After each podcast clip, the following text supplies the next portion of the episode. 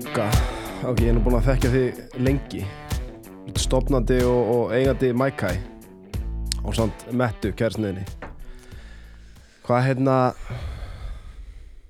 Ég er nú þekkti það lengi að, að ég hérna ég veit að það er alltaf blunda í þetta svona frumkvöðla frumkvöðla pælingar Já. Var Var Maikai, var þetta, var eitthvað undan Maikai eða var þetta svona beint í mark strax? Var þetta það? Þetta var alls ekki beint í mark strax. Og hérna ég held að sé aldrei þannig sko. Það, það er engin sem að vakna bara í daginn og með eina geggjað hugmynd sko. En ég var með alls konar pælingar og, og nót sjá mér er fullt af hérna misgóðum hugmyndum. En hérna ég eitt mann ætla að vera með eitthvað social media ölska fyrirtæki og sá fljóta að það var lítið pláss á þeim markaði og ég hafði náttúrulega ekki hugmyndum hvernig það virkaði svo voru alls konar uh, húst, ég ætla að fara að selja vatn erlendis og eitthvað húst, fullt af pælingum en hérna eins og segi misgóðar hugmyndir Já En hérna Maikai hmm. hvar og, og hvernig vaknaði svo hugmynd? sko ég held að ef við reykjum þetta alveg bara lengst aftur í tíman þá var þetta örgulega hvað 2016 þegar hérna Metta fætti Bali kærasta mín með vinkonu sínum og kynnist þess að asa í skálum þar og hérna svo kemur hún bara heim og, og það verður ekkit meira úr því þá. Þú veist, hún saði mér bara frá þessu og hvað það hefur óslega gott og síndi mér einhverja myndir og, og mér minnir að ég hef sagt bara hvað er þetta ekki bara eins og skýrskál skilur, er þetta ekki bara var ekkert að búast við þetta væri eitthvað merkilegt sko. En svo einhvern veginn bara með tímanum þá bara já kom upp þessi umræða að vantaði svona alvöru asa í skálastað til Íslands. Og já, það bara eitt leita öðru sko. Þetta er svona ég hef oft hugsað svona tilbaka og reynda að, hérna, að rekja þetta eitthvað en ég held að þetta sé bara svona eh, margar litlar ákvarðanir. Maður bara einhvern veginn fikrar einhvern veginn sig áfram í átta ykkur og svo allt í hennu lítum maður tilbaka og maður er bara komin á okkur stað og sem er svona, þetta er frekar mögnu tilfinning. Og maður svona, man, maður svona klappar sér sjálfum á, á bakistundum maður svona þegar maður horfir svona tilbaka og, og svona hvernig þetta byrjaði þetta svona byrjaði nú eiginlega bara í eldur svona heima sko. Já, einmitt. En hérna, þú talar um að Metta hafi farið til Bali og, og hafi kynst asæskálunum þar. Hvernig leist þér á hugmyndina þegar hún kom heim? ég, ég held að eins og ég segi, þetta er bara eitthvað sem að fór bara í eitthvað hólfi í höstum okkur sem að við pældum ekkert í, í í ár eða eitthvað svo leiðis, eitt, tvö ár. Og hérna já, við vorum ekkert eitthvað eh, eins og ég segi, þetta var ekkert eitthvað leiðum kom, þá vorum við ekkert búin að ákvæða já, þetta er bara eitthvað sem við ætlum að gera, þetta var svona meira bara setna meir þegar við fórum að ræða þetta. Bara hvernig væri það að opna svona asæ skálastað það er náttúrulega ekki, var ekkert til hérna sambarlegt á þeim tíma. En já þessi hugmynd hljómaði betur eftir einhver tíma þegar við fórum svona að kynna okkur hlutina. Já. Og hérna ég meina hún kemur hérna heim og, og, og kynni fyrir þessu. Og hvað, ég minnir að þú hafi sagt um að þið hafið svo farið til London eða ekki? Mm. og, og þar hafið þú hvað fyrst smakkað þetta? Já, ég var búin að skrifa niður í hérna síman hjá mér eitthvað hluti sem að okkur langaði að gera í London Úst, uh, skoða eitthvað, svona túristastæði og ég var búin að skrifa niður eitthvað tvo þrjá svona asæstæði sem ég ætlaði að fara og prófa. Og ég fer að prófa þarna eitt stað og það bara kviknaði eitthvað ljósaperur sko. Og ég þegar ég svona sá hvernig þeir voru að gera þetta og hugsaði að þetta væri svona alveg dúból fyrir gæja eins og mig sem að hann náttúrulega ekki hundsvita á veitingageranum og var ekki með neitt bakgrunn því að neinu leiti bara og ekki eigin rekstri bara yfir höfuð. Og ég var svona ég var em, þetta poppa upp í memories hjá mér um daginn á Snapchat þá var hérna þá var ég bara að taka upp bara allt sem var í gangin á þessu stað. Ætla bara held ég var eitthvað skrítin hana gæðin sem að vinna hana en, en já, ég byrjaði bara veginn þannig. Ég bara byrjaði að sjá hvernig þeir voru að gera þetta og, hérna og já, svo fórum við hérna árið eftir þetta, fórum við aftur til London. Fórum við sérst, ég var að vinna hjá málinga á þessum tíma. Og hérna eru sum eigundur af, af málinga og sliffælægin og það var svona sameileg ársóttíð í London. Þetta var minni mig 2018 og þetta hérna já þá fyrir við aftur og prófum svona staði.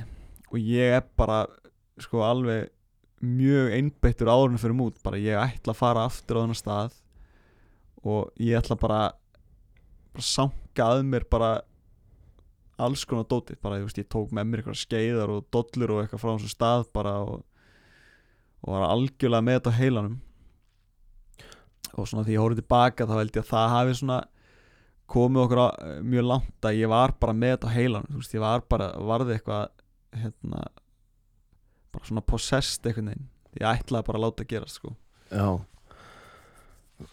Þú talar um hann að þú hef tekið upp allt á Snapchat og tekið hvað sær skeiðar og, og alls konar dót þarna. Var það þá bara til þess að bara fá hvað bara hugmyndar með heim og Já, og bara svona ég veit ekki alveg, ég var bara eitthvað ég hef ekkert verið alltaf þannig, ég er bara mjög svona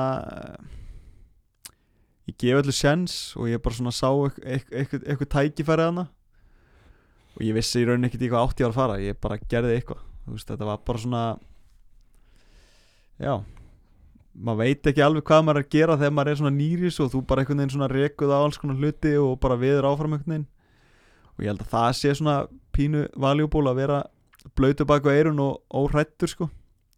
Já, og hérna og ég leið og ég kem heim sess að frá hérna London finn ég út sko hver er byrgin hjá þessu fyrirtæki.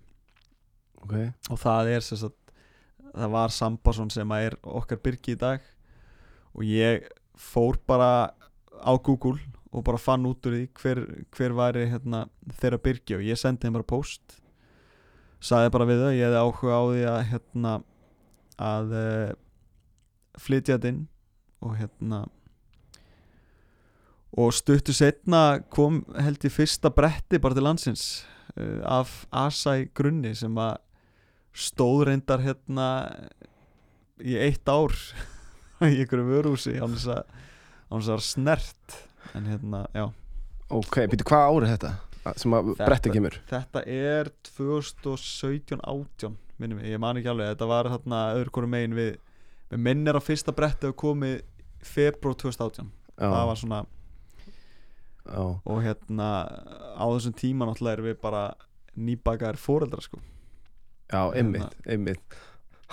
Sem að er já þetta er, þetta er pínu störla að hugsa út í það sko. bara hvernig maður hefur einhvern veginn náða púsla öllu án þess að að komi niður á einhverjum þú veist, maður, það er einhvern veginn þannig. Að þú slakar á í í því sem ert að gera í vinnunni þá einhvern veginn ef þú gefur eitthvað eftir þar og fyrir að sinna einhverju öðru meira þá einhvern veginn svona verður eitthvað ójafbæði en ég er svona þokkalega sáttur með hvernig við höfum náða svona samtvinna öllu með eitt hérna þryggjára sem að hérna, heldur mann alveg vel við efnið sko. Já, einmitt.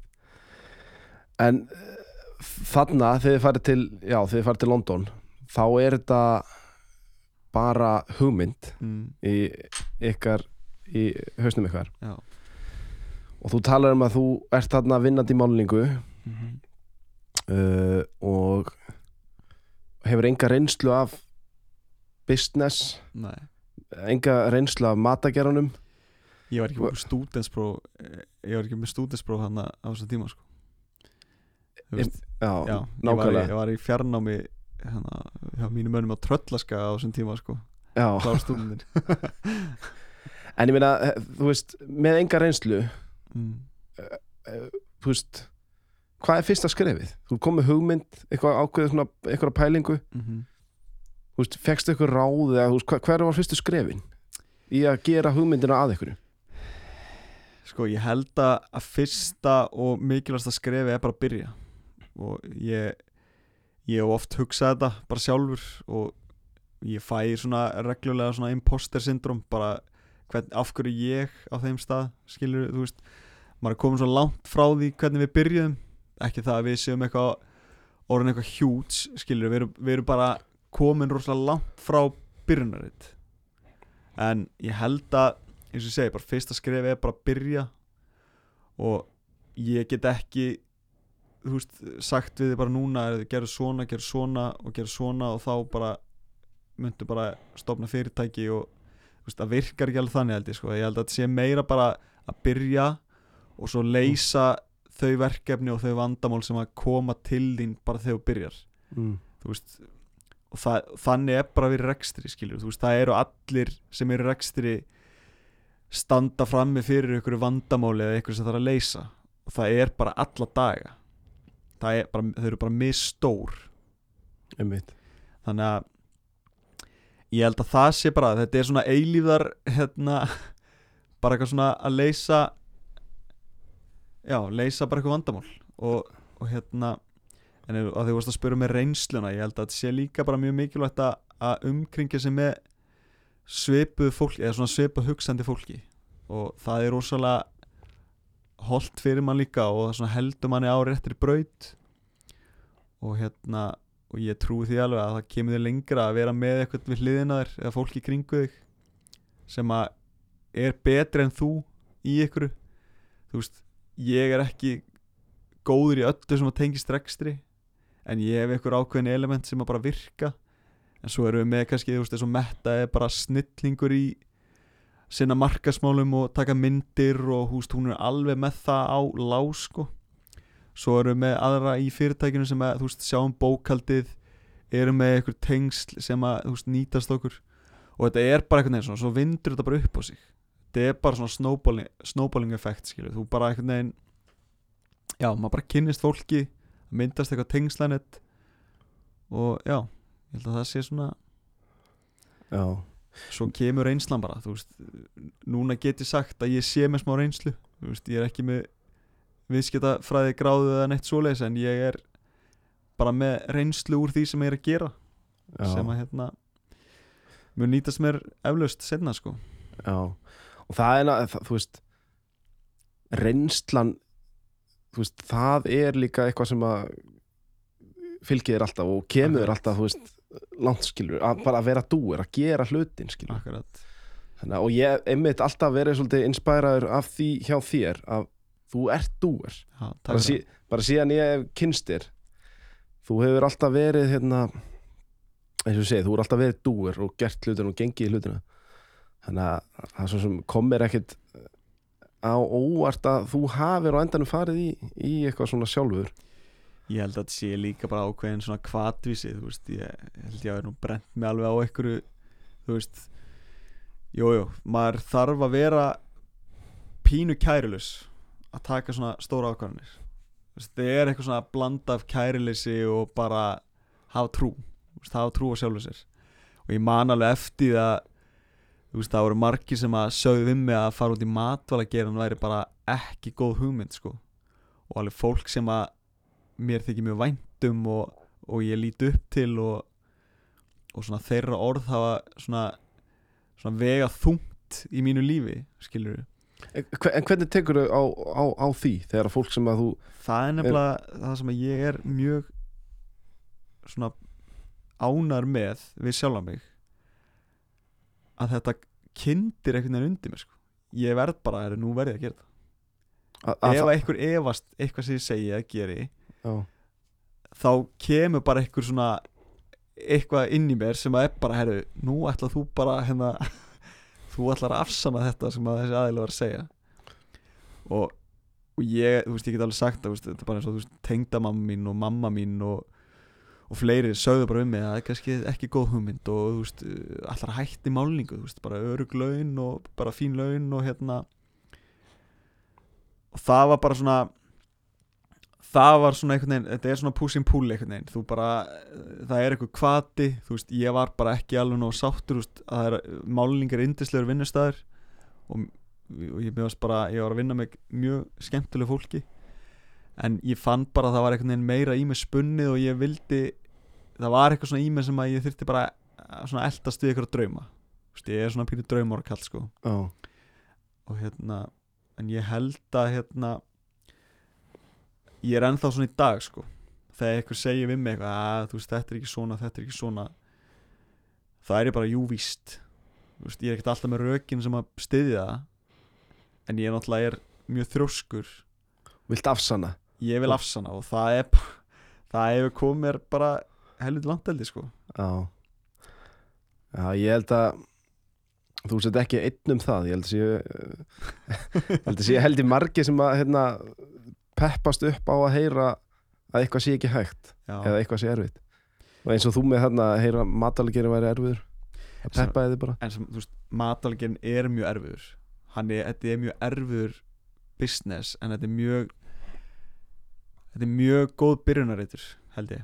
Af því að þetta er svona þú getur byrjað smátt og ég man þegar við seldum fyrir fyrsta hundra á skallin þú veist, það var bara partí sko, við vonum bara, vá, bara við seldum einhverja asaskálur fyrir hundra á skall sko. En ég held að matalgerinn sé mjög góður að því leiti að þú ert með svona þokkilega yfirsýn bara hvað er að gerast. Og þetta er sko innkoman byggist algjörlega því bara kom, hvað koma margir inn og versla. Og þá er bara eins gott að þú sért bara með góða vöru og auglýsarna og þú veist þetta er svona, þú ert svona dífa svona tánni í djúbulögina sko, þú ert einhvern veginn svona þetta er góða byrjunaritur En ástæðan fyrir því að matalgerinn er mjög erfiður er bara þú þarfst að stýra afföllum veist, laun náttúrulega hækka og hækka. Veist, ég ætla að lámastakstinn sé bara í eh, næstu í tögu skallinu sko. Svo þarfst að borga leigu. En máli er að þú getur bara rukkað ákveð mikið fyrir mat það er bara eitthvað svona ósynlegt þak á mat. Fólk er bara með eitthvað ákveð okkur á hugmynd hvað hátegismetra á kosta Akkurat, þú veist, það myndi engin koma þú veist, með að við bara rekstra umhverju í dag þú veist, þá ætti kannski skálinn að kosta 2,5 já, skilur en það myndi engin kaupa asaskála 2500 en fólk fyrir klippingu fyrir 6,5 skilur já, það er bara eitthvað að klippa hárið veist, það er ekki að selja eitthvað vöru það er að selja þjónustu. En þú veist, í matalagerunum ertu að selja þú veist, þú ert að veita þjónustu þú ert að selja eitthvað um vöru svo þarf það að borga leigu að, þú veist, það eru alls konar útgjöld. Þannig að eins og segi, þetta er svo margir hluti sem þú ert að eða margir boltar sem þú ert að halda lofti bara til að hlutinni gangi. Já, sem að er mjög hérna, mjög góð æfing bara í því að vera í rekstri.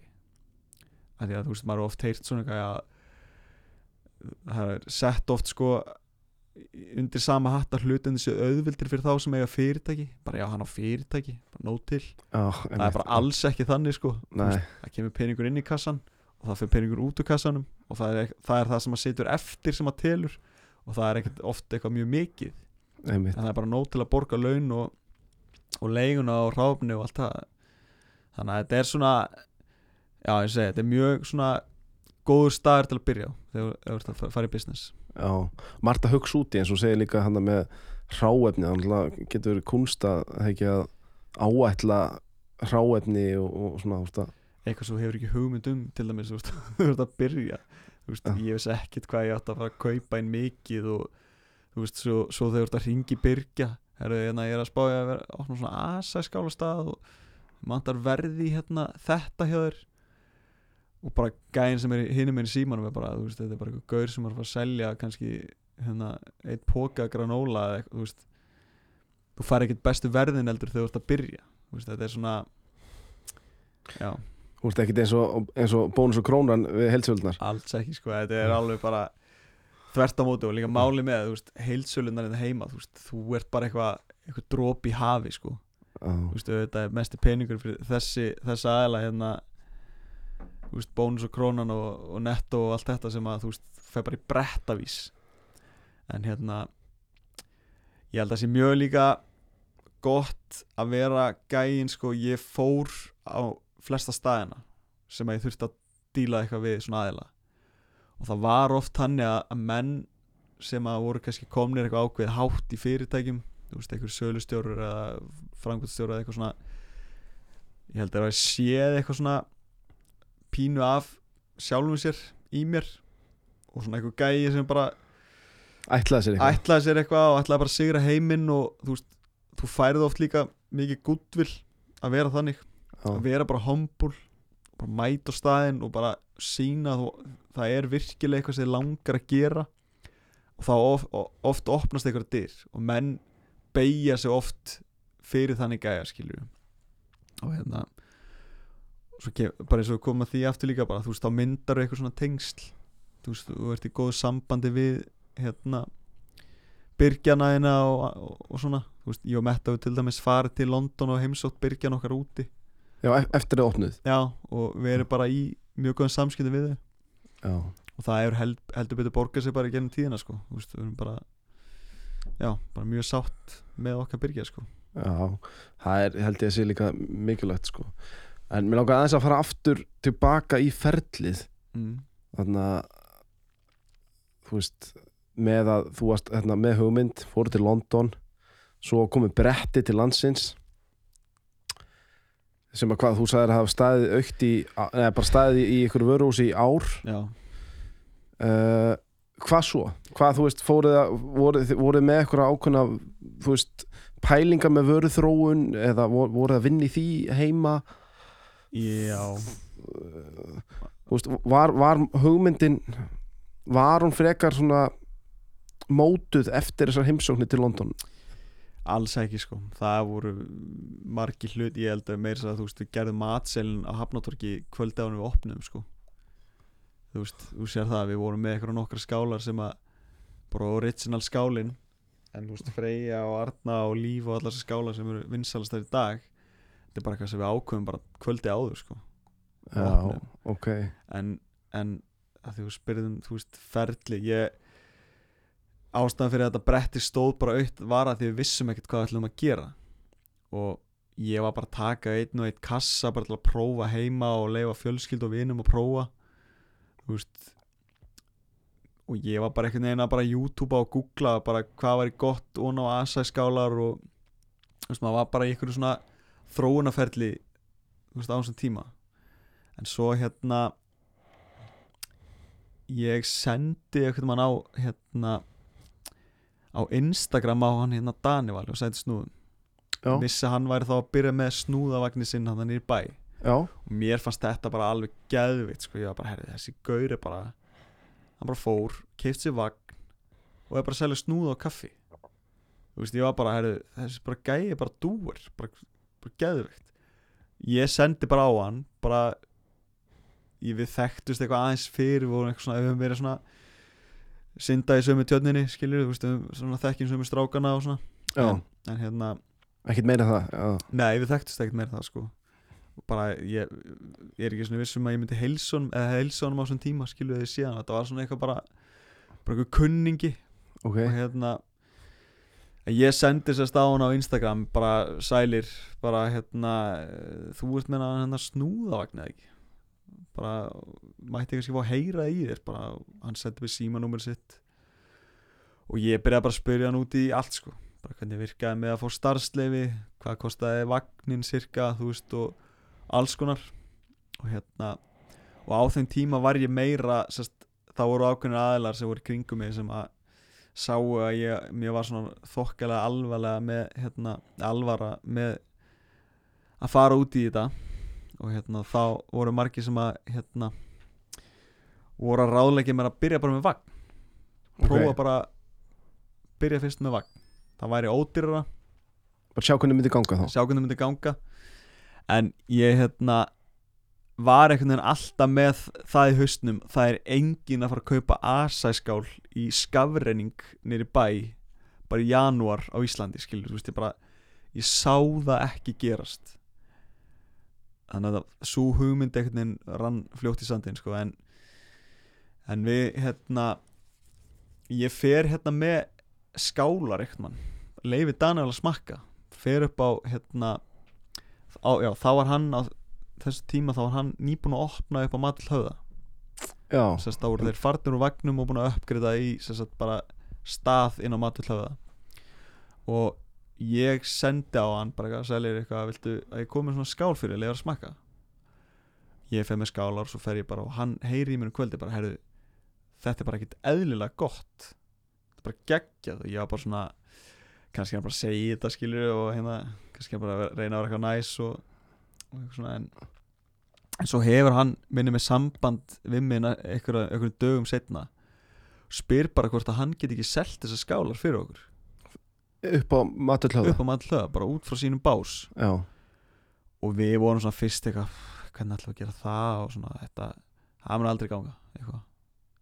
Það var mín fyrsta hugsun sko, það mun aldrei ganga. Út af þá hverju? Og að, bara því að þetta, þú veist, þetta er fyrsta lega er þetta fristivara, það er svo erfitt að halda gæðunum þannig að þetta sé bara perfekt hitasteg þegar þú borðar þetta. Þú veist, annarkvort er þetta ofrósið eða oflind það er einhvern veginn svona ná bara svona millileginni en við bara tókum fund og hann kom bara með einhverja, hugmyndir, einhverja lausnir og eitthvað og við bara bara, já, kýlum á þetta skilur, og þeir fóru að kefta sér eitthvað frist í Elko held ég og og við bara einhvern veginn byrjum já, og hérna og við, sem sagt fyrsta daginn sem þetta var í sölu þá tók, tók ég mér hérna notaði ég frídag úr málingu tók mér frí í málingu og var bara upp á höfða.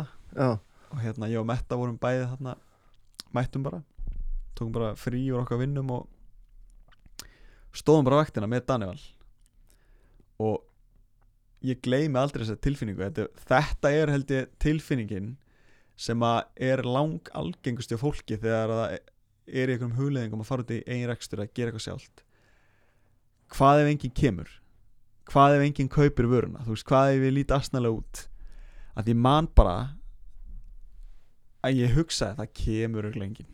Það munir örugglega enginn koma. Þú veist, og við bara einhvern veginn bara, þetta var hugafarið já, þú veist, við svona einhvern veginn leifðum okkur ekki að halda að það væri eitthvað að fara að koma. Herru, svo bara klukkan tíu, opnum við sjáum bara stelpu koma að að básnum bara.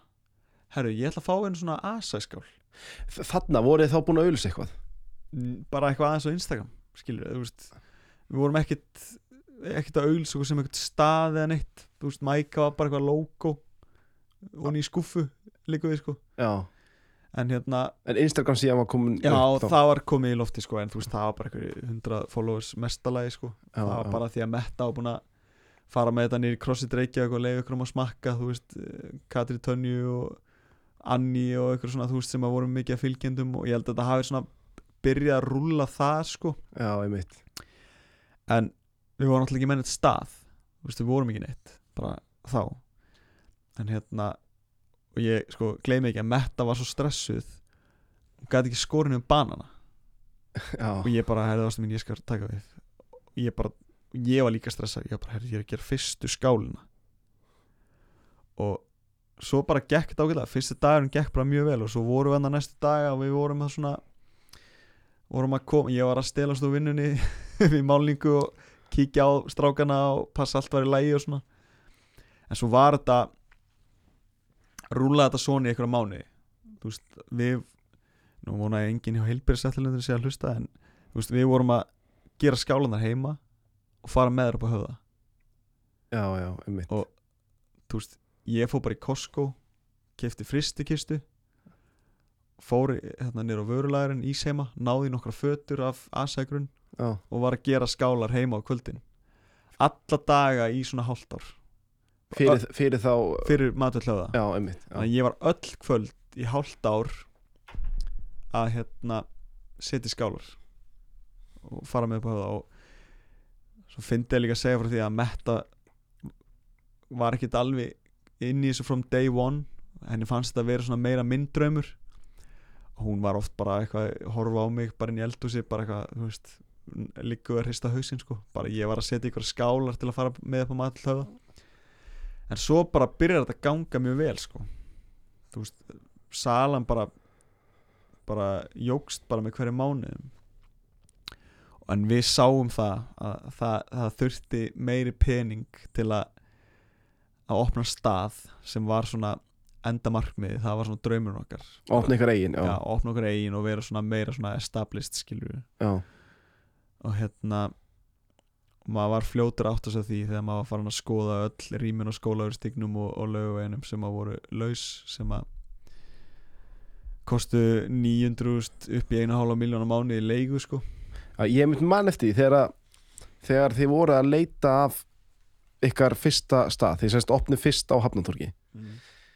ég man eftir því þegar að, að þið voru að leita og leita og, og þið voru, það voru oft svona sem já, heyrðu, þetta, hérna við erum með rýmið þarna sem að lítu vel út og, og á lögvegi kannski eða hverfiskot eða eitthvað, að þá var bara verðið eitthvað svona sky high.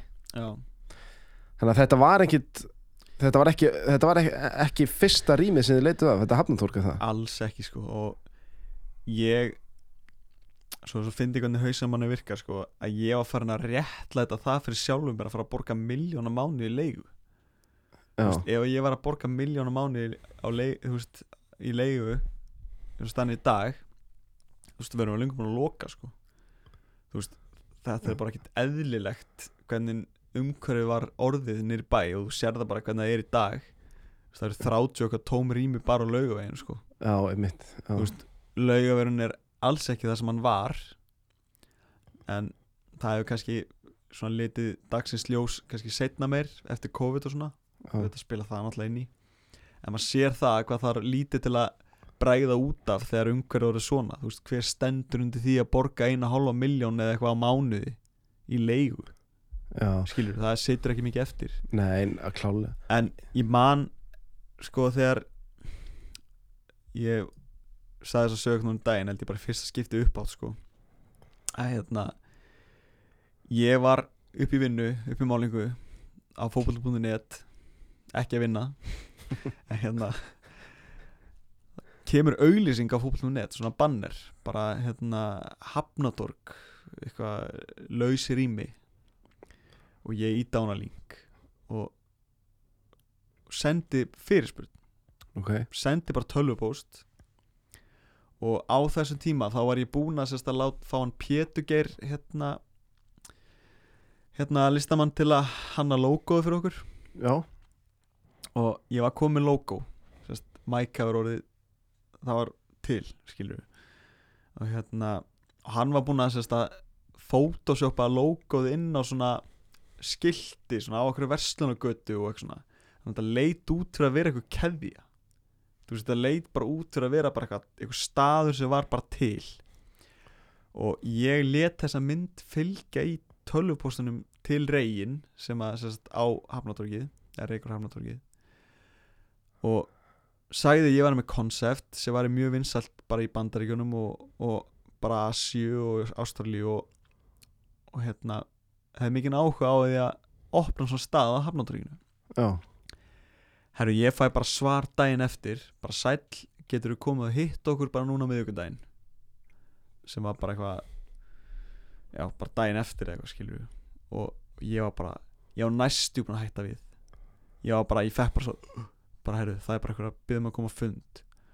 Og ég held að það, þetta hafi svona verið make it or break it sko, hrökkva eða stökkva momentið sko, já, að því ég var næstu hættu við, Þú veist, hvað er ég að fara að mæta hann og segja, hvað er ég að segja? Herru, það er, það er hérna 38 ást inn á Mækæ bankareikningu skilur það var bara ekkert til og ekkert plan.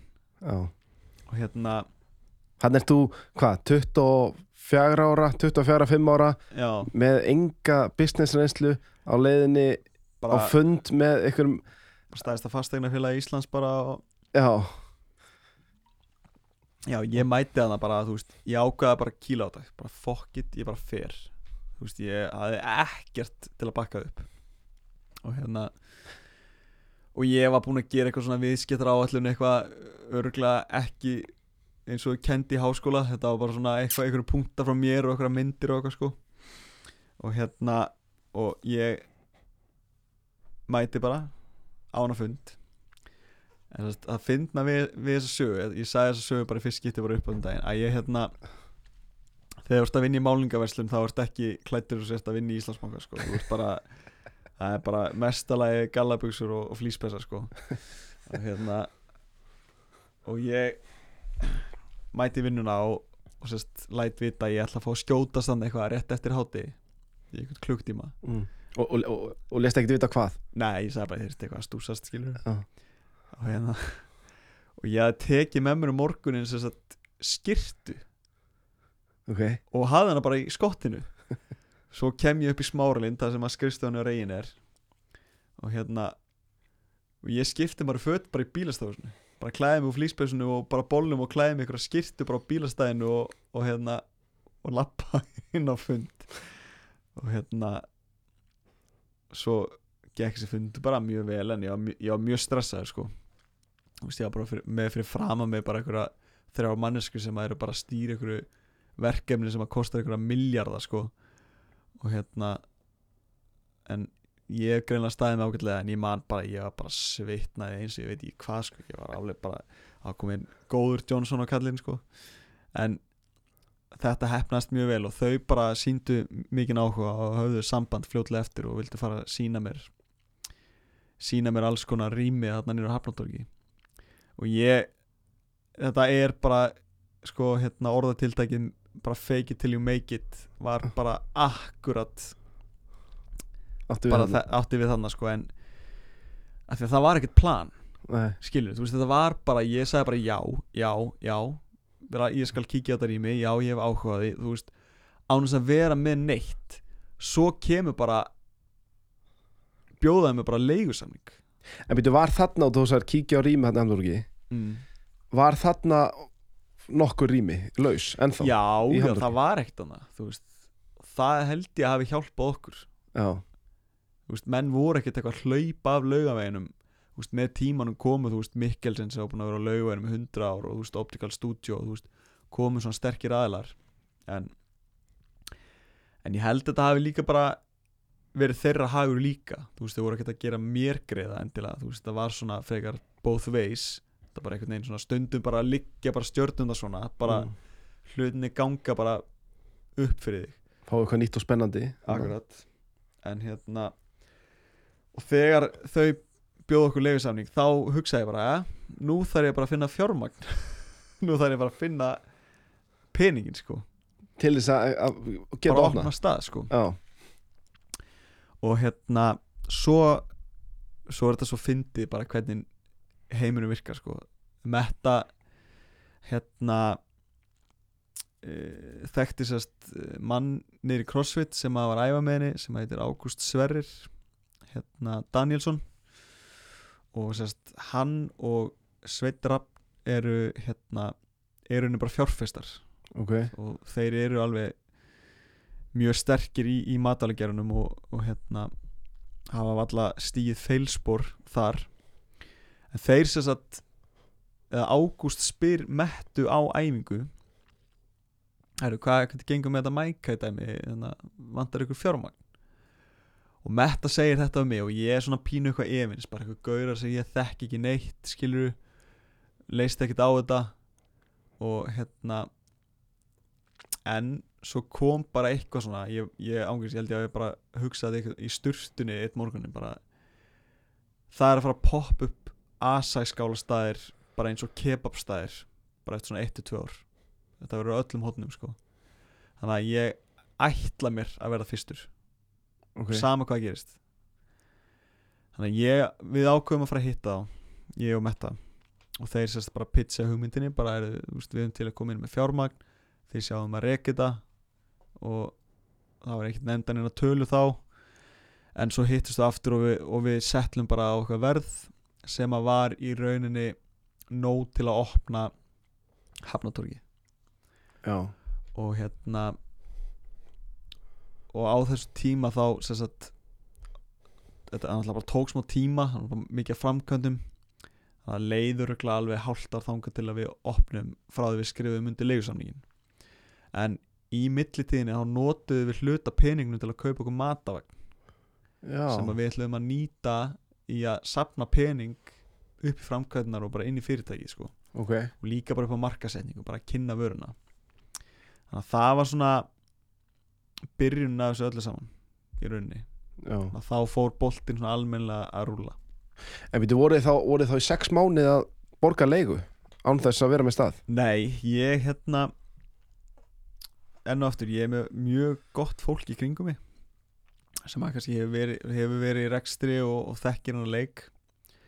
Og vissi það alveg að það væri nú ekki stór biti fyrir reygin að kingja hérna að hérna gefa leigun eftir í smá tíma þá til við opnum, þú veist, við vissum bara að væri, við værum on a budget og, og þetta var bara svona gúttfyll frá þeim, þau bara sáu bara er þetta bara uh, ungt par sem að er metnað fullt og þú veist, vildi bara hjálpa þannig að við bara, já, borguðum ekki leigu fyrir, fyrir við opnum, það var samið um það.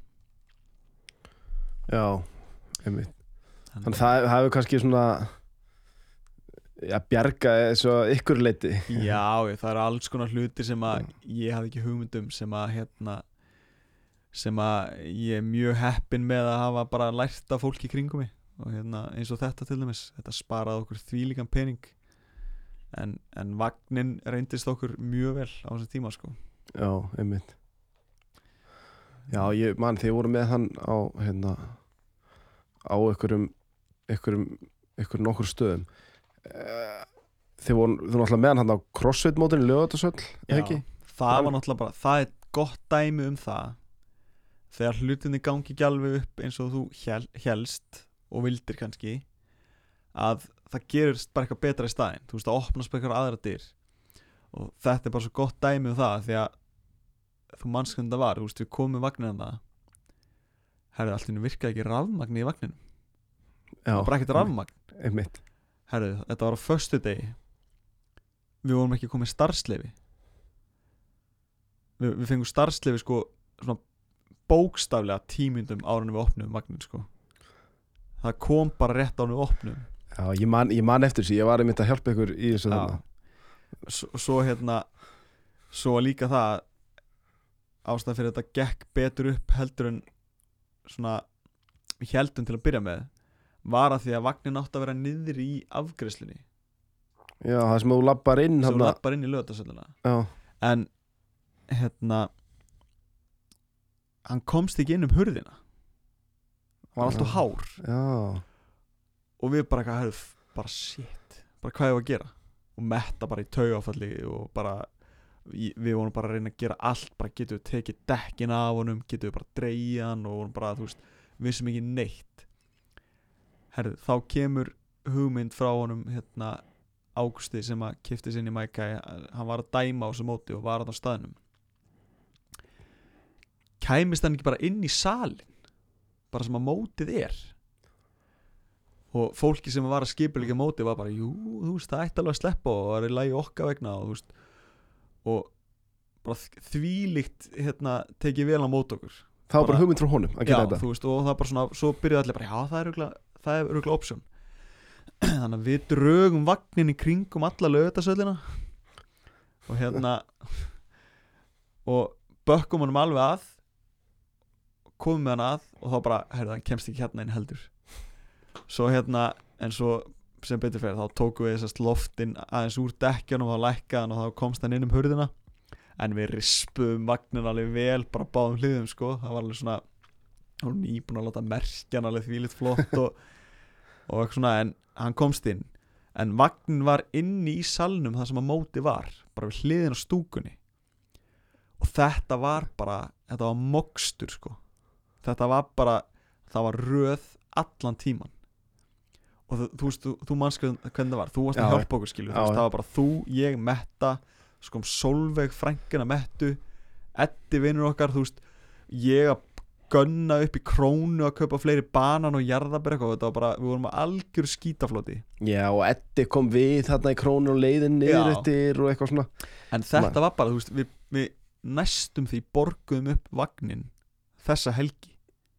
Já, ok, það er, það er bara þannig. Já, þú veist, og þetta var bara svona bara plan, plan A gekk ekki en plan B var bara miklu betra. Þú veist, eftir á. Einmitt. Þetta er einmitt málið, þú bara svona þú ferð inn í eitthvað með eitthvað ákveðna hugmynd en svo kannski bara kemur út úr því með eitthvað alltara pælingar. Þú veist, alltara sína hlutina og bara hlutinni bara einhvern veginn, bara detta stundum fyrir mann.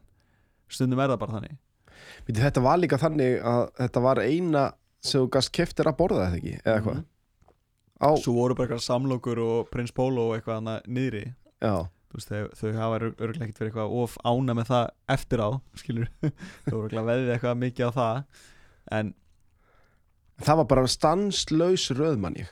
Bara konstant röð eiginlega í vagnin já, þú, þetta var bara bull skilur, og svo líka bara eins og eins og segi, bara hvað fólk sem að hefur verið eigin rekstri og hefur verið á svo stað að byrja sjálft hvað það er viljugt til að hjálpa aðlum sem að er að byrja að þau hérna hún hrönn hjá CrossFit Reykjavík ég held að hún hafi bara hún bara gaf okkur auðlýsingu auðlýsingaskiltunum hana kringum allavega öllin en ég man ekki eftir að fengja reikning kannski skuldaði henni fyrir það en, já en að skilu þú veist, það bara það var alveg bara svona moment sem að ég bara svona að sjá logoið sitt á okkur auðlýsingaskilti maður var bara svona það var bara nóg fyrir mig veist, ég var bara svona wow þetta voru einmitt svona lett auðlýsingaskildi sem voru heldur cool. Það var ógslag flott sko. Já, en hérna já. Það var svona eitt af þeim momentum sem að bara svona eh, það var svona ólí á eldin þegar, þegar hlunni gangur svona vel þá er maður bara þá langar mann í meira sko. Ekki meira peninga heldur meira, meira svona tilfinningu. Já það, er, þetta ekki líka akkurat eins og þú veist, þú talar um þegar fyrsta skálinn var seld svo þegar þú ert þarna með vagnin á móti og bara Mm. endalus röð er þetta ekki akkurat sem að þú veist þú vilt og er svona geggja tilfinningin þegar þú ferð pælingi þú ert að fara út í einhvern eigin rekstur? Þetta, þetta er þetta er ástæða fyrir maður að gera þetta. Veist þessi litlu sigrar. Veist bara að það hérna opna hafnatorgir skilur opna hérna hérna, já, opna hafnatorgið sjá vörðna sínar í hérna hillunum í, í búðum þú veist bara alls konar. Og bara svona þessi litlu sigrar þeir bara, þeir gefa manni svo ótrúlega mikið og peppa mann í bara meira. Já, en það er nefnilega málega ég held að það sé fólk sem að veist, ég er náttúrulega ekki komin á þann endastað sem að ég veist, ég er ekki sáttur. Veist, ég er með þakkláttu hvert maður er komin en ég er bara með ákveðin ákveðin markmið og ákveðin að drauma en þessi hlutir hjálpa mann að komast einmitt. ég held að er svona þeir sem eru hafa ná langt í einhverju tengjalveg, þú veist, þeir eru bara svona herru, lítill sigur lítill sigur, lítill sigur. Og kannski kemur stór sigur. Svo heldur bara áfram. Já, og maður verður líka svona að bera virðingu fyrir þessu ferli að því, þú veist, þú verður að horfa tilbaka þú verður að vera svona pínu þakklátur og þú verður að þú veist, að ég hef oft svona gripið sjálf með því að vera svona vilja meira. Vera pínu gráður einmitt. Og taka kannski vittlisa ákvarðan út frá því. En sem betur fer hef ég verið svona þokkalega bara stabíl í þessu öll saman. Og teki hérna réttar ákvarðanir. En, en ég held að þetta sé rosalega fín lína. Þá er það bara eitthvað svona skamtíma pæling já, alltaf- þú veist, og, og, og vilja líka bara þú veist eins og til dæmis við ætlum þegar við opnum hafnatorgið, þú veist, ég kefti ykkur að safa vil á 300 skall. Já, hún var ekki notuð einu sinni. Þú veist, við ætlum að vera með eitthvað að safa. Svo við eitthvað blandara við ætlum að vera hérna með eitthvað búst á eitthvað. En þú veist, við bara föttum það er betra að vera bara góður í einu heldur en ágætur í mörgu. Og það Já. er held ég það sem er að skila sér í dag. Þú veist, við erum að selja eina vöru. Þú veist, við erum með áttaða nýju sölustæði í hildina og við erum með eina vöru einmitt þetta er, þetta er svolítið hérna þetta er svolítið vertu allt fyrir einhverja en Já. ekki eitthvað fyrir alla akkurat þetta er svolítið þessi pæling en hérna sko, mér langaði út af að þú nefndir áðan með hérna þú vildi vera fyrstur inn á Mm. markaðin mm. og þú greinlega sást fyrir að, að þetta væri að fara að verða eitthvað á Akkurat. Íslandi nú eru, þú veist, hvað held ég þrýr allavega sem staðir. Nutri, mm. Kaliber mm og held að hafa verið opn einhver annar núna, Svala, mm. getur það ekki verið? Jú. hvernig, þú veist hvernig, hvernig lítur á þessa veist, hvernig er þitt teika á, á þetta? Sko náttúrulega bara öll samkeppni er mjög góð og, og mjög holl bara fyrir alla. En það sem hún gerir fyrir mig er að hérna hún kveikir hans í keppniskapinu hjá mér sko en, en hérna en ég ber bara vinningur fyrir fólki sem að er að gera sama við. Þú veist, eða bara ekkert endilega vera með eitthvað svona skálstað heldur bara fara út í einn rekstur.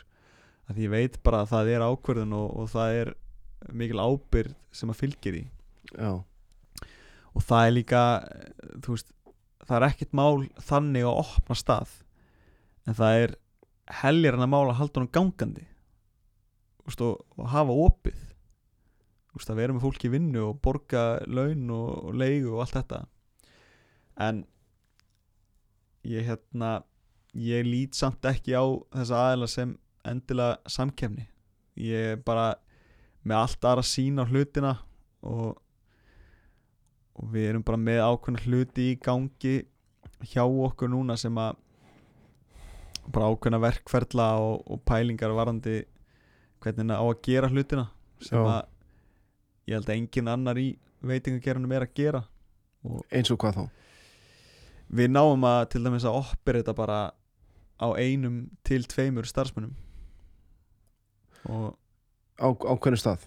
Já, ok, sem að er uh, mjög mikilvægt bara til að hérna ég er ekki að segja það að bara fólk er bara eitthvað, þú veist, þeir sem er að vinna hjá okkur eru bara eins og einhverjum þrælar en við erum bara búin að stilla hlutunum þannig upp og eins og ég segi, bara verkferðlanir eru þannig að það eru bara það eru bara fá stöðugildi.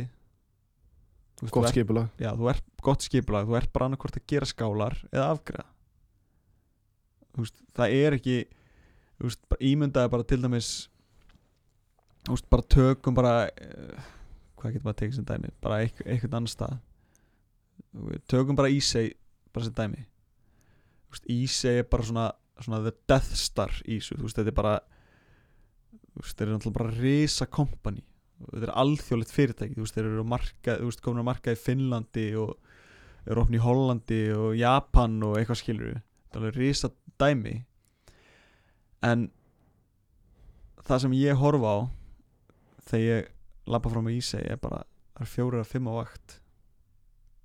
Með Já. vörur sem kostar 1500 kall 1600 kall. Já, þarf það að selja helviti marga skálar bústa til að bara standa undir kostnaði. Þannig að ég er svona já, ég líti ekki á þessa aðeila sem kannski beina samkefni en við, við erum líka bara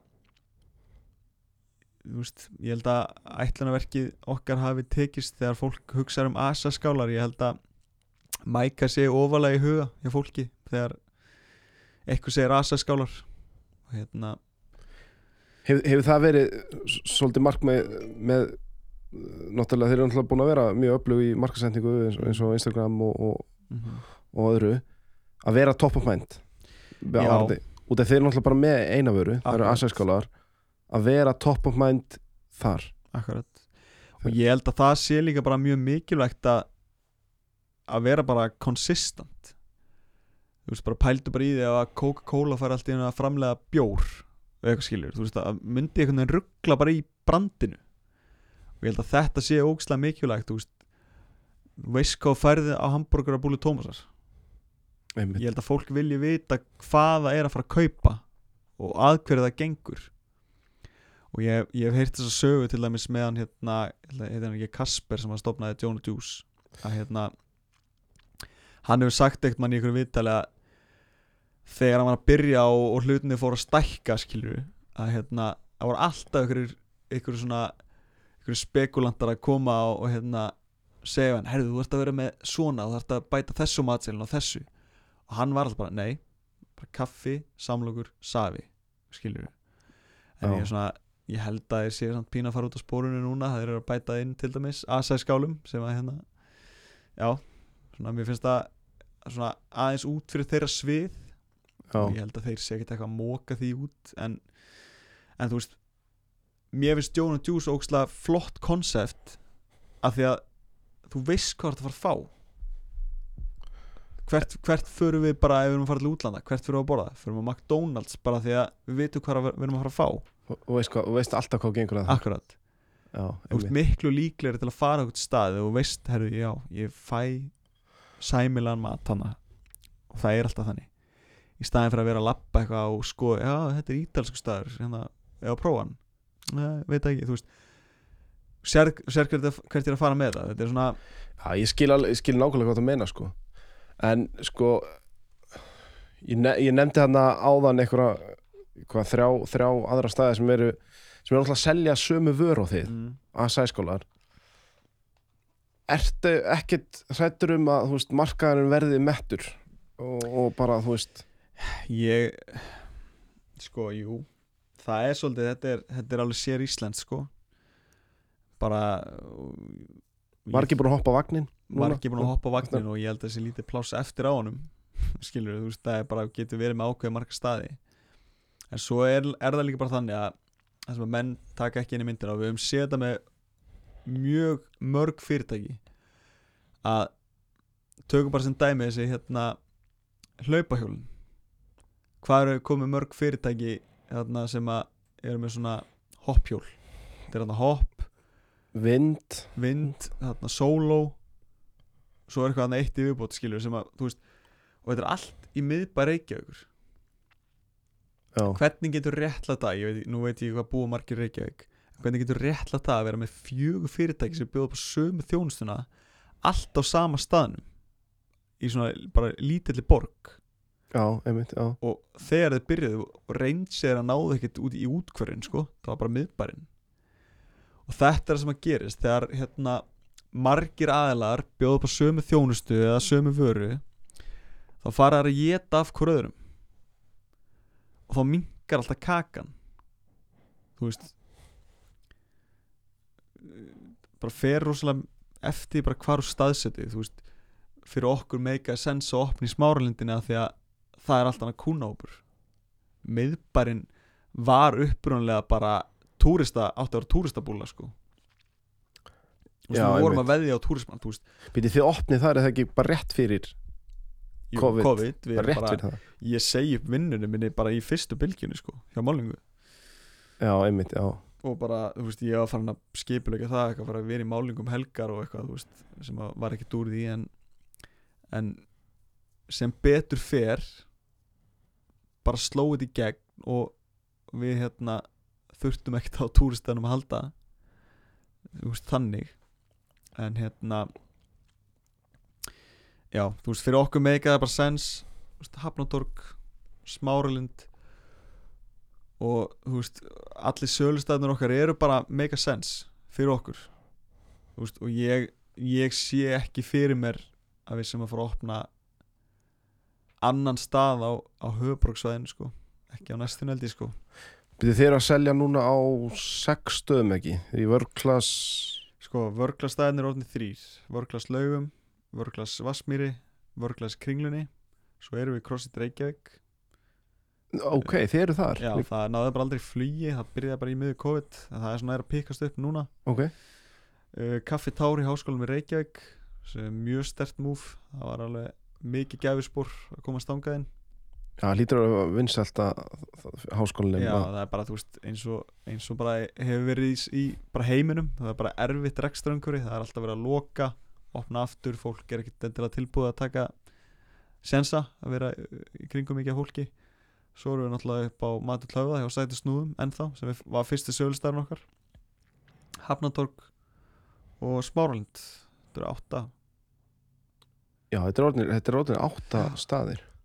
Og hérna svo er náttúrulega með vagnin sem að reyndar við höfum ekkert verið að nýta neitt í vetur en, en hann verður vantilega mikið notaður í sumar. Já, er, er stefnan á að keira hann í ganga aftur í sumar? Já, ég held að við ætlum að vera með þú veist, bara eh, fyrir utan sundlegar eða fara með hann eitthvað á land og, og ég held til dæmis bara að landsbyðin er að koma sterkinn. Að hérna hver að gera selfoss þú veist, það er fólk hérna þyrstir í eitthvað nýtt þar líka sko. Veist, það Já, er einhvern veginn alltaf bara sjoppan og hotnin sem að lifir. En spennandi tímar í gangi á Selfossi? Nýri miðbæðir og... spennandi tímar já ég held að menn vonandi gengur það upp hjá þeim. Það er maður heyra að menn sem gýra sér svolítið þar en, en það er svona það er bara erfitt umhverfi bara eins og staðan í dag skilur það er ótrúlega mikil óvissa og en það er, það er yfirleitt besti tíminn til að hérna gera eitthvað nýtt. Og hérna já, ég held að það sé svona já, besti tíminn til að gera eitthvað nýtt þegar allt er í, allt er í volið sko. Já, einmitt. Uh, Hérna þegar þú, þú, þú sagði nú án þú erum með svolítið skýra sín bara á Mm. Mækæ mm. hver eru markmið Mækæ í framtíðinni? Hvar sérðu Mækæ eftir fimm ár? Sko, það eru bara alls konar hlutir í gangi hjá okkur sem að ég kannski ætla ekki að fara út í akkur núna en, en ég sé bara fyrir mér að Mæka geti orðið bara miklu starra og, meira en það er í dag og kannski ekkit endilega bara hérna heima. Veist, ég, ég er alveg farin að skoða út fyrir landsteinana og og það er svona held ég endamarkmiði það væri gott að hérna, stróka það út af bucketlistanum bara að opna mækast það einhvers þar út í heimi. Já, er það, er það svolítið svona á bakvöldlistanum hjá þér að, að fá, Já, færa þetta erlendis? ég held að og já, ég held að það sé svona blöytur draumur hjá mér sko. Já, en mér langar samt að halda áfram að að slípa konsepti til hérna heima og, og gera ennþá betur og eins og við erum náttúrulega vörðn ok okkar eru komnar inn í verslanir hjá samkaupum og eru komnar inn í hérna hagkaup líka. Og, það eitt og sér er líka bara ákveði markmið og líka bara ganga vel. Okkur gengi gríðalega vel í netto síðan í janúar núna. Og það er svona bara, já, ég vil bara halda áfram að reyna að gera betur og, og reyna bara að halda jafna í þessu öll saman sko já. En á þér sjálfum? Ertu með eitthvað svona persónleg markmið? ég er einhvern veginn bara að setja öll ekkin í þessa mæka í körfu sko. Ég er bara veist, ég er náttúrulega er uh, framkvæmtastjóri félagsins og og með því fylgir bara alls konar forrindi og maður kynnist alls konar fólki og, og fólk uh, sérstaklega þegar það byrjar að ganga vel þá koma alls konar hérna símtöl og, og fundir sem að eru mjög spennandi og það er mjög spennandi að vera í svona aðstæðum. Og hérna og það er svona markmiðið mitt er bara að læra bara af þessu öll saman. Og, og sama hvort að ég fari síðan í háskólan á setna og menti mig eitthvað meira tengt viðskiptum eða eitthvað svoleiðis en, en eins og staðan í dag þá er bara er það mikið að gera hjá mér. Ég er bara, er að, þetta er bara minn skóli sko. Ég er bara einn daginn mun ég horfa tilbaka og vera bara hókina reynslu skilur þetta er alveg er þetta ekki bara eitt stór skóli að fara út í þetta? Jú, ég held að sé 80% af því sem að ég gengi í gegnum í þessu öllu saman. Ég held að það sé ekki kent í, í viðskiptafræði sko. Nei, Ég- stór efa en, en það eru fullt af hlutum sem að ég væri til að vita og læra þú veist í viðskiptafræði. Bara alls konar hugtök og, og hérna og allt svo leis og bara kafa ennþá dýpra án í þetta. En ég held að sé það er mjög gaman að segja frá þig líka bara og hún tengdamamma mín skammaði mig hérna um daginn þegar ég fór í podcasti á Helga Ómars vinnu mínum að ég var að segja þess að sögu. Við opnum að hafnatorgi að hún- að ég tók það ekki nógu mikið fram að hérna að ég klára stúdensprófið bara mánuð áður en við opnum að hafnatorginu þú veist ég var að vinna í málingu bara 8-5 fótbolti með lítið bad setja þetta allt í gang og í fjarnámi. Að kl- að klára stúdendin að klára stundin sko, þetta voru alveg eitthvað 7-8 áfangar sem ég var í þessa önn. Og ég bara, þegar ég horfði tilbaka ég skil ekki hvernig ég fór að þessu sko. Nei, þetta er hrikalega vel gert. Já, maður átti að vera lengur búin að þessu sko. Ég held að hérna helviti mikil slugsari hérna. Og maður rifjaði upp hérna eitthvað ég og þú um daginn. Við kynntust 2010 eða ekki í, í Borgó Jú, bara á fyrsta ári í Borgó held ég að við höfum Það er- kynst sko. það er nokkur ár liðin Það var 11 ár síðan. Já. En hérna bara kannski svona í lokin Ertu með eitthvað fullt af fólki með eitthvað hugmyndir haustum að sér? Mm. en veit ekki hvað á að gera. Ertu með eitthvað ráð fyrir fólk sem að langar að gera eitthvað framkvæma eitthvað hugmynd fór út í eigin rekstur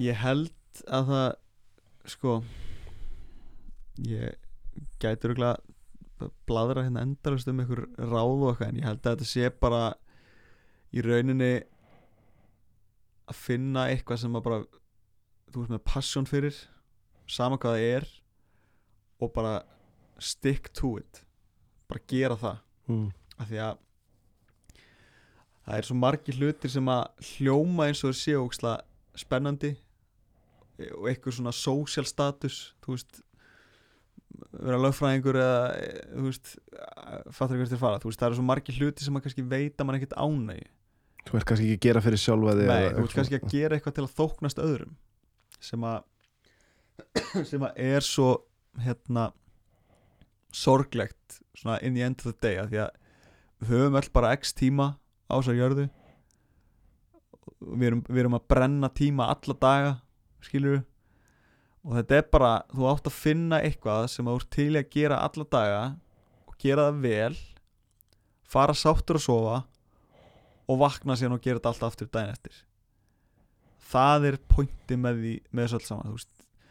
Sama hvort það sé að fara út í einrækstur menta sig ykkur bara sama hvað það er ef þú finnur eitthvað sem að veitið er bara því líka ánægi og þú ert bara til að gera það þá áttu bara að gera það. Og ekki hlusta á veist, foreldramanns og fólki í kringum hann hafa allir skoðanir á því hvað þú átt að gera. Og það er bara mannlegt það hafa allir svona eh, eitthvað skoðun á, á þú veist, sérstaklega foreldrar. Þau eru svona múin að ákveða svona sirka í hausnum á sig hvernig lífið þitt á að verða oft svona nánustu sem kannski íta er the same way. Já, og það er, það er svo slæmt að því að the safe way er ekkit endilega safe. Örugalegin er ekkit bara eitthvað það er ekkit sjálfgefið þar. Þú veist, fólk sem að fyrir að menta sig og fyrir að vinna í einhverju vinnu sem það þólir ekki því er sagt upp líka. Fattar við þannig að bara ég af hverju ekki að taka sjens á einhverju sem að gæti mögulega gefir mjög mikið í staðin fyrir að gera eitthvað sem að gera ekki neitt fyrir þig. Gæti feila líka.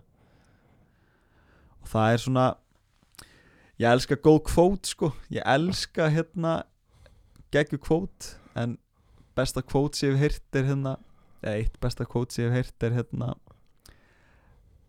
uh, if you hang around the barbershop long enough sooner or later you're gonna catch a haircut. Þú veist, þú- það fá allir stóra breyki sitt eitthvað tíman Já, þú veist bara ef, ef þú ert að það alla daga þá allt í einu kemur bara stóra breykið það, þú veist það kemur þú færið alltaf eitthvað tækifæri. Þannig að ég held að það sé mjög, mjög mikilvægt og, og fólk segir oft veist, við okkur að þetta sé bara einhver heppni og þú veist eitthvað svona. En þetta er bara svona þetta er heppni pluss undirbúningur. Skilur, þetta er bara eitthvað svona right in the middle. Þetta er bara Plus hard work kannski. Já, þú, já. En þú veist, það, kemur alltaf eitthvað tíðin. Já, Já ég hérna er hrikalega inspiraður að þér sko. Að bara þú ert, þú ert eins og ég sagði áðan sko, þú ert dúer já, takk fyrir það. og hrikalega ánægð með þig. Ég held að þetta hafi bara verið fín loka orð já, ég, bara, ég vil segja bara sömu leis ég er mjög ánægð með þig og ánægð fyrir þína hönd að keira á, hérna, á þetta hlaðvarp og, og ég, hérna, já, ég er mikla trúar og við allir vinniðinir höfum mikla trúar með það. Já, takk fyrir það, þetta er náttúrulega blundað lengi í mér. En hérna gaman að fá þig Já. í fyrsta þáttin já, bara mikill heiður. Bara takk fyrir að bjóða